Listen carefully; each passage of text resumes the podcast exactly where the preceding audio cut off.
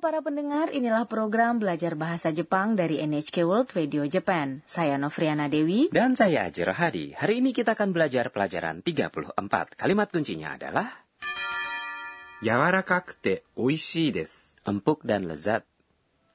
Tokoh utama dalam adegan kami adalah Anna, seorang mahasiswi asing dari Thailand. Setelah mengunjungi festival kampus bersama Kenta, keduanya pergi ke tempat yang disebut restoran sushi yang menggunakan ban berjalan. Di sana, piring-piring kecil sushi bergerak di atas ban berjalan dan para pelanggan dapat mengambil yang mereka sukai. Warna-warna dari piring-piring tersebut menandai harga sushinya. Mari kita dengarkan adegan untuk pelajaran 34. Kalimat kunci hari ini adalah 柔らかくて美味しいです。 empuk dan lezat. あトロが来たトロって何ですかマグロのお腹の部分ですどうぞいただきます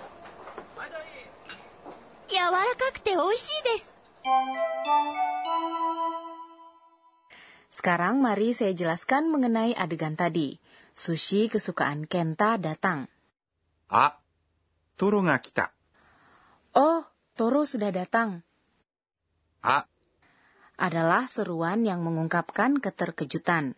Kenta berseru karena sushi kesukaannya sudah datang. トロ、 Adalah bagian berlemak dari tuna, yaitu bagian perutnya. が、 Adalah partikel penanda subjek. 来た。 Artinya sudah datang adalah bentuk ta dari kata kerja 来ます。 yang artinya datang. Ini mengindikasikan aspek selesai. Dalam cara yang sopan, kita merupakan 来ました。 Toro harganya cukup mahal, tapi digemari di restoran sushi. ya, Anna belum pernah makan toro.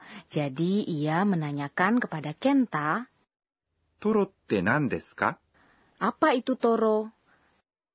Kalau Anda tidak mengetahui kata yang baru Anda dengar, Anda bisa menanyakan artinya dengan mengatakan kata itu dulu, kemudian diikuti, って何ですか "Apa itu?"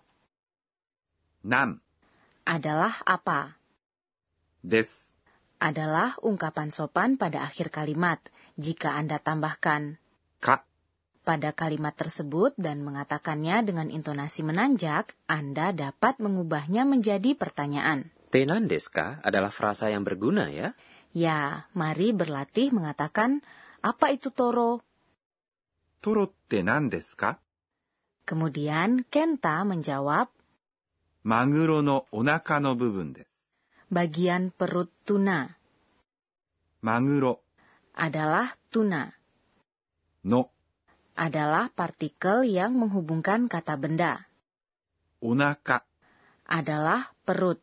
No yang kedua juga adalah partikel yang menghubungkan kata benda, 部分 adalah bagian, dan des adalah ungkapan sopan pada akhir kalimat. Kalimat ini punya dua no yang menghubungkan kata benda.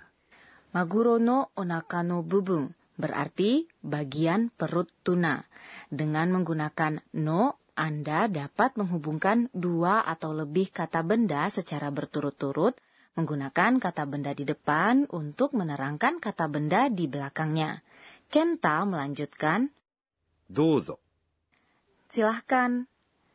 Gunakan どうぞ saat Anda mendorong seseorang untuk melakukan sesuatu. Anna mengatakan, いただきます Terima kasih buat makanannya. Secara harfiah berarti dengan rendah hati saya makan atau menerima.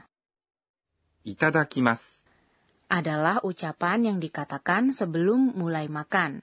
Setelah selesai makan, akan baik sekali kalau dapat mengatakan ごちそうさまでしたごちそうさまでした terima kasih banyak atas makanannya. Anna baru saja mencicipi toro untuk pertama kalinya. Apa pendapatnya? 柔らかくて美味しいです Empuk dan lezat. Ini adalah kalimat kunci hari ini.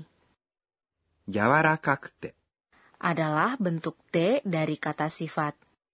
柔らかい yang artinya empuk atau lembut, 美味しい adalah kata sifat yang berarti lezat.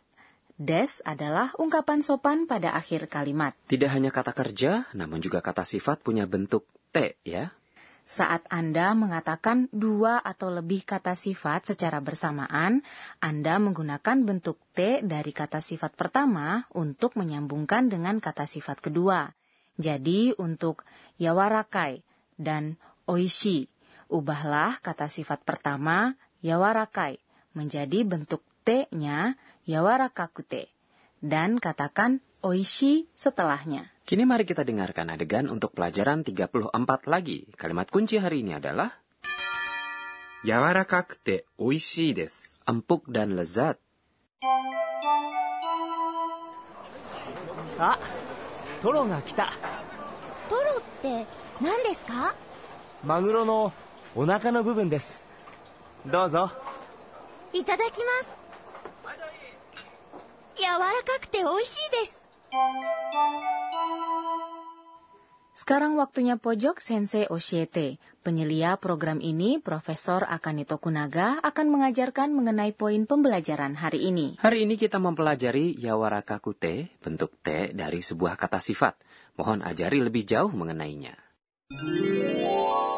私が教えましょう Sensei mengatakan, jika Anda ingin menerangkan sesuatu menggunakan dua atau lebih kata sifat, gantilah kata sifat yang pertama ke bentuk T. Cara untuk mengubah kata sifat menjadi bentuk T adalah seperti berikut. Anda sudah mempelajari ada dua jenis kata sifat, yaitu kata sifat i dan kata sifat na. Kata sifat i adalah yang berakhir dengan suku kata i, seperti misalnya murah. 安い、 Untuk mengubah kata sifat i menjadi bentuk t, gantilah akhiran i-nya menjadi kute.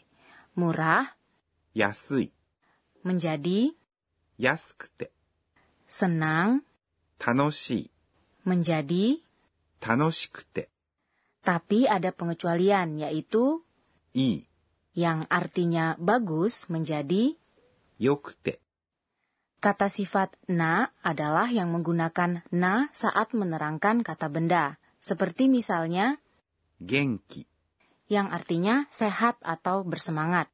Untuk mengubah kata sifat na menjadi bentuk t, letakkan d setelahnya.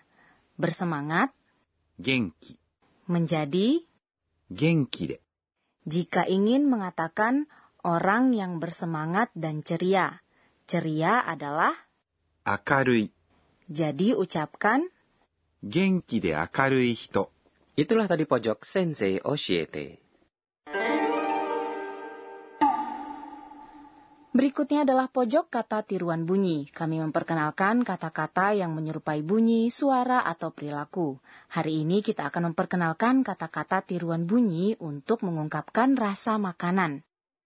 あっさり、あっさり、 Adalah kata bagi makanan yang rasanya ringan. Bentuk kalimatnya misalnya adalah, makanan ini rasanya asari. Kata berikutnya adalah lawan dari asari. こってり、こってり、 menggambarkan bagaimana suatu makanan yang rasanya kuat dan kadang berminyak dan penuh bumbu. Contoh kalimatnya misalnya, ramen ini rasanya kotteri. Dan dalam kata tiruan bunyi hari ini kita memperkenalkan あっさり、 dan こってり。 Sebelum menutup perjumpaan, Anna mengingat kembali kejadian hari ini dan membuat catatan. Inilah pojok catatan si Anna. えーっと今日は kita mengucapkan itadakimasu sebelum makan untuk menyampaikan terima kasih bagi mereka yang telah membuat masakan ini. Kita juga berterima kasih pada daging, ikan, dan sayur-sayuran dan mereka yang mengolah dan memanen berkah alam tersebut. Apakah Anda menikmati pelajaran 34? Kalimat kuncinya adalah 柔らかくて美味しいです。 empuk dan lezat. Ikutilah episode selanjutnya.